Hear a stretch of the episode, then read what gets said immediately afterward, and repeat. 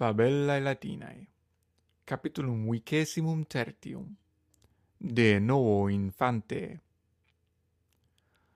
A Emilia, quae duos filios et unam filiam abet, novum infantem expectat.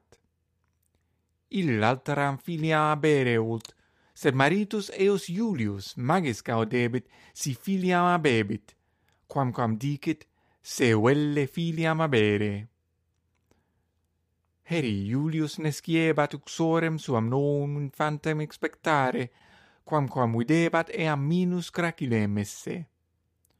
Nunc aut intelliget Aemilia non propter cibum crasiorem fieri.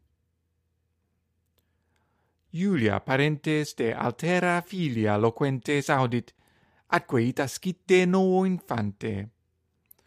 Neque vero gaudet Iulia, nam sola ul toto amorem parentum sibi abere. Verba Emiliae de parvula sorore, quae aeque amabitur ea non satis consolantur. Marcus et Quintus de infante qui expectator nesciunt. Julia autem de acreta cere non potest. Fratres vocat et is audite inquit, moxego non ero sola puella cum dobos pueris, pos paucos menses mihi soror erit. Pueris statiat matrea deunt, eamque interrogant. Es ne verum, quod dicit Julia? Sororem ne habebimus? Aemilia.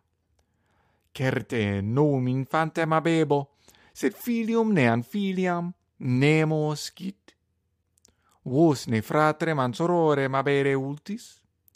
Nonne laeta biminis alteram sororem abebitis? Marcus. Ego parulis infantibus non delector. Semper incunis iacent, mecum ludere non possunt, nihil dicunt, sed magna voce vagiunt. Aemilia.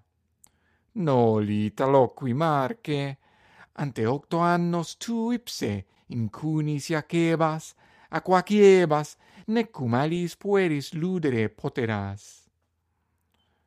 Quintus. Ego non fratrem, sed sororem volo, etiam si filia illa parvula sola matre curabitur, nos liberi maiores non curabimur. Aemilia. Vos omnes bene curabimini, etiam si filiola mabebo, nolite timere.